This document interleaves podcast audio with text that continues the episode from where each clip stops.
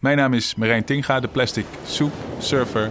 En ik maak audiocolumns. En deze heet Aanspoelen. Ik zie er vast rot uit. En ik heb inderdaad wallen onder mijn ogen van s'nachts malen, verkrampte schouders en een voorovergebogen houding die de overuren achter een toetsenbord verraden. Gisteren, na afloop van een vergadering ergens in Amsterdam, klampt de voorzitter me aan en vraagt of ik nog wel aan surfen toekom. En ik moet schaamtevol toegeven dat ik niet eens weet uit welke richting het dit weekend gaat waaien. Zes jaar geleden bereikte mijn surfverslaving een hoogtepunt. Elke vier uur vraag ik de verse weermodelberekeningen op via mijn Windfinder-app. Ik hou de loop van de lage drukgebieden boven de Noordzee bij. Ik zijn mijn surfmaatje in welk tijdvenster hij vrij moet houden voor onze volgende surfsessie door de branding, vaak van Scheveningen naar Zandvoort.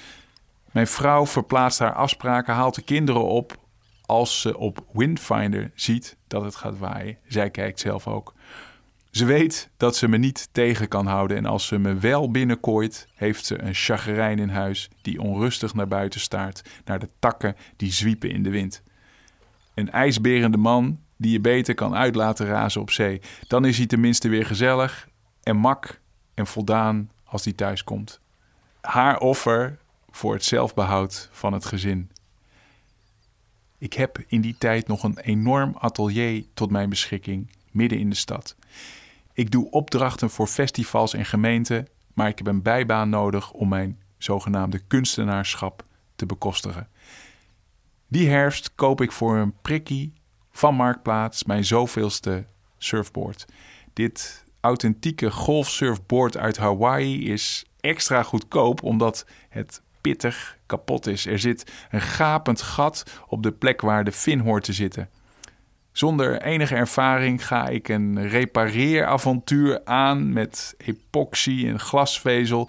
En die december glijd ik zowaar over de koude Noordzeegolven op mijn eigen handwerk. En dit geknutsel veroorzaakt een windvlaag in mijn hoofd. Ik wil een kunstwerk maken in de vorm van een surfboard. Een surfboard waarop ik dan bijvoorbeeld de hele Nederlandse kust langs kan kitesurfen. Mijn verslaafde brein begint te rollen en te tollen bij de gedachte dagenlang kitesurfen. En als ik vervolgens het strand opstap, struikel ik over het plastic afval dat met de harde aanlandige wind is aangespoeld. Mijn idee is rond.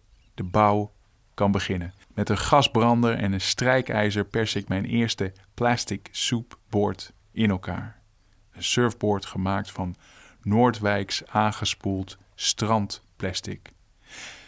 Vervolgens kitesurf ik zielsgelukkig dat zware bakbeest, want het woog meer dan 20 kilo, van knokken naar Ameland, waar ik uiteindelijk als wrakhout aanspoel. Oververmoeid en geblesseerd bel ik mijn vrouw op en als ik haar hoor, breek ik in huilen uit.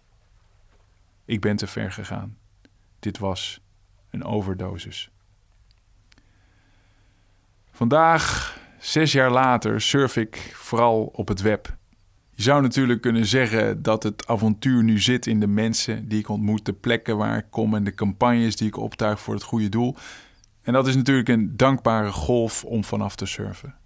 Toch moet ik dit weekend het water op. 20 knopen uit het westen, zegt Windfinder. Prima. Het is vooral om te voorkomen dat ik aanspoel op mijn bureau.